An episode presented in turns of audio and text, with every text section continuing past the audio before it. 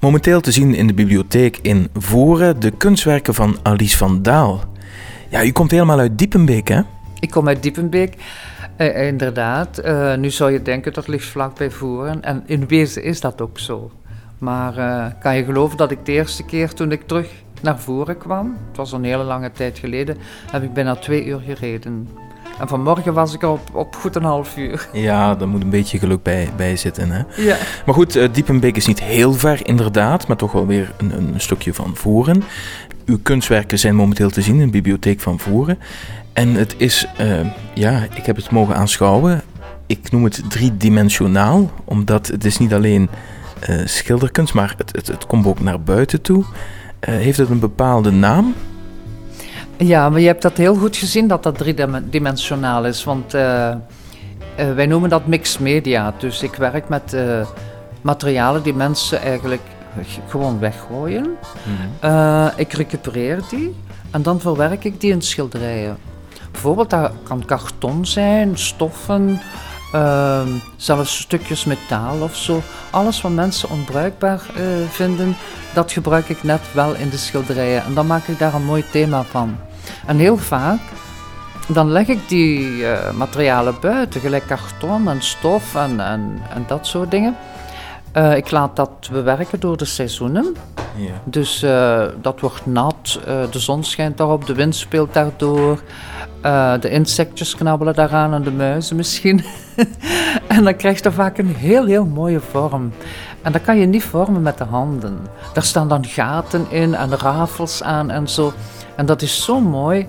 En dan ga ik dat conserveren uh, en drogen natuurlijk. Hè. En dan ga ik het in mijn schilderijen verwerken. En daar ontstaan heel mooie composities uit. En dan krijg je een soort driedimensioneel effect, ja. ja het zijn inderdaad heel mooie composities. Dus de natuur doet eigenlijk zijn werk. Ja. Maar u bent ook bezig met uh, de klimaatverandering. Heeft dat daar nog mee te maken? Absoluut, absoluut. Uh, dus ik ben heel sterk geboeid door de natuur, het leven in de natuur, maar dus ook door mensen. Want de mens is ook een heel stuk natuur. Hè. Uh, dus ik werk rond de klimaatswijziging. Je ziet dat heel vaak terug in mijn schilderijen. Uh, ik, ik, ik heb daar vaak hartpijn van hoe wij eigenlijk uh, omgaan, de manier waarop we omgaan met het klimaat en met ons milieu. Uh, ik vind dat zo jammer als we zien hoe bijvoorbeeld onze zeeën, onze oceanen volgepropt worden met plastic en met afval. Uh, men is daar nu systemen voor aan bedenken om dat terug te verwijderen. Maar dat is zo doodjammer. Als wij mensen nu niets in de oceanen zouden gooien, dan zouden de vissen gezond zijn. Uh, je weet dat in de mosselen bijvoorbeeld al stukjes plastic zitten en zo. Dat eten wij allemaal op. Dus wat we in de oceanen gooien, dat komt terug in ons lichaam. En dat wil ik eigenlijk een beetje duidelijk maken in mijn schilderijen. Dat we toch eigenlijk voorzichtig moeten zijn, respect moeten hebben voor het klimaat en daar een beetje zorg voor dragen. Het zijn natuurlijk heel mooie werken wel. Hè? Uh, ik maak er geen soep van. maar het thema komt altijd tot uiting in mijn schilderijen. Mogen we het dan noemen kunst met een boodschap? Uh, ja, boodschap is misschien een heel groot woord. Uh, maar ik wil wel dat de, dat de toeschouwer uh, het, het, thema herkent en dat hij eigenlijk een beetje blijft stilstaan, dat hij erover gaat nadenken. Mm.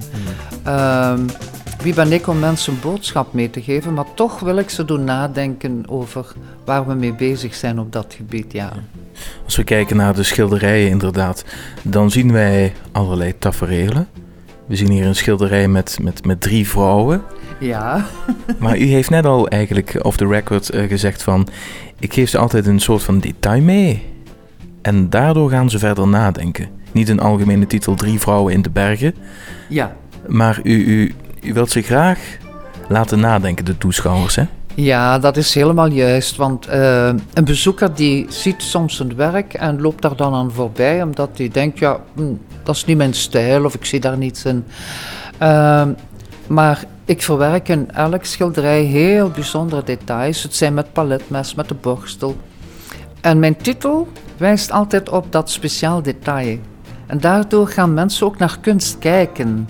Want naar kunst kijken en kunst beleven is heel verrijkend. Uh, dat geeft je zo'n goed gevoel vaak. Uh, vooral als je ontroerd wordt, onder meer door een schilderij. Dat geeft de mensen een enorm goed gevoel. Want je voelt een beetje verbondenheid. Mhm. Maar je krijgt ook uh, voeding voor je lichaam, voor je emoties. Je voelt je gewoon goed daardoor. Mhm. En dat, dat, dat hoop ik altijd te bereiken met mijn schilderijen. En daarom geef ik ook heel vaak schilderijen weg. Gewoon als mensen ontroerd zijn door een schilderij en uh, ik zie bijvoorbeeld dat ze misschien de prijs te hoog vinden of zo, of uh, ik geef ze gewoon mee. Ik zeg hang ze een keer bij je thuis, laat dat maanden hangen en zo en kijk of, of dat een toegevoegde waarde biedt uh, aan je interieur of dat jou een goed gevoel geeft. Ja. Dus ik wil alleen mensen een goed gevoel ja. geven met mijn schilderijen. En dat doet u ook nog op een andere manier, hè? want u geeft ook nog lessen. Ja, inderdaad. Ik heb een eigen kunstgalerij in Diepenbeek. Uh, daar hangen dus altijd uh, werken van mij. Maar uh, de, mijn voornaamste taak is wat ik meegekregen heb aan talenten, waar ik zo dankbaar om ben, dat wil ik ook doorgeven aan andere mensen. En mensen denken vaak, uh, oh dat is niks voor mij, ik kan niet schilderen, ik heb geen talent. Uh, ik heb dat al heel vaak gehoord. En ik help hen dan over die angst en over die drempel heen, want ieder mens heeft talenten. Ook om te schilderen of te musiceren of uh, andere, andere dingen. Ieder mens heeft een bijzonder talent. En dat wil ik bereiken in mijn cursussen. Ik geef wel elke dag nieuwe uh, schilderstechnieken zodanig dat ze kunnen zich vervolmaken, opklimmen. Ik help hun daarmee om hun grenzen te verleggen, om uit hun comfortzone te komen, om te leren schilderen met alle mogelijke materialen. Dus ze leren ook die materialen. Maar mijn voornaamste bedoeling is ook weer dat talent in die mensen ontdekken, naar boven brengen en hun de passie uh, bieden om, en het plezier ook van het schilderen. Want dat geeft ook voldoening, kan ik me voorstellen, als men dan een mens ziet opleven. Ik zag ook dat u werkt met bijvoorbeeld autistische kinderen, kinderen met beperkingen. Dat is helemaal juist. Hoe je het weet, weet ik niet, maar daar uh, ben ik al heel lang mee bezig. Dus uh, in Hasselt is het KIDS. Dus dat is Koninklijk Instituut voor Doven en Spraakgestoorden, zoals vroeger. Maar tegenwoordig uh, zijn dat kinderen die gepest worden, uh, blinden, doven en gehoorgestoorden, maar ook kinderen die uit de oorlogsgebieden komen. Mm -hmm. kinderen die bijvoorbeeld van huis uit weinig structuur hebben meegekregen. nu met ja, de veel twee-oudergezinnen en zo, of één-oudergezinnen, of gesplitste gezinnen, noem maar op. Ehm, zijn kinderen vaak de draad kwijt. Die komen dus daar in het instituut terecht en uh, daar geef ik heel bijzondere lessen aan. doe ik heel, heel graag. Dus uh, ik blinddoek de kinderen dan eigenlijk.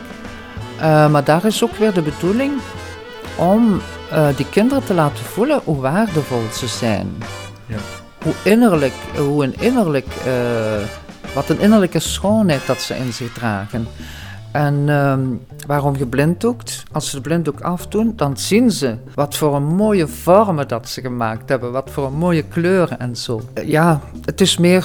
Ik denk, ik denk dat dat mijn levensopdracht is. Uh, mensen dus echt laten genieten zelf van het, van het kunstbeleven. Maar ook genieten van mijn schilderijen natuurlijk. Uh, en ik hoop dat ik veel mensen dat kan geven, dat ze evenveel plezier beleven aan het schilderen of aan kunst of aan kunst kijken dan ik zelf. U heeft zelf ook nog een, een kunstgalerij, hè? En die ligt in Diepenbeek? Ja, en in Diepenbeek stel ik tentoon, maar uh, met mijn cursisten, want uh, dus uh, ik heb elke dag cursussen. En mensen komen van overal, van aan de kust, van Leuven, van Diest, van Nederland, noem maar op. Um, maar hun werken stel ik ook eenmaal per jaar tentoon bij mij in de galerij, in de Week van de Amateurkunsten. Maar ik heb ook een kunstcollectief opgericht en ik ga geregeld met hun overal op verplaatsing. Bijvoorbeeld, we zijn pas uh, hebben we geëxposeerd met de Masters, dat is de hoogste groep. Die zijn al echt Hmm. Uitgegroeid tot prof professionals, zeg maar. Hè. En dan gaan we ook naar het cultureel centrum van Maaseik bijvoorbeeld. Zitten we binnenkort uh, in Bree, in Zonhoven. Dus ik toer met hun rond. En dat zijn voor hun hun eerste tentoonstellingen. Hmm. Dus de, de kroon op het werk van... Ja. Uh, ja, dat is natuurlijk ook heel plezant voor hen. Hè. U heeft nog een website? Helaas, ik ben een digibeet. Oké. mensen kunnen wel werken bekijken op Facebook.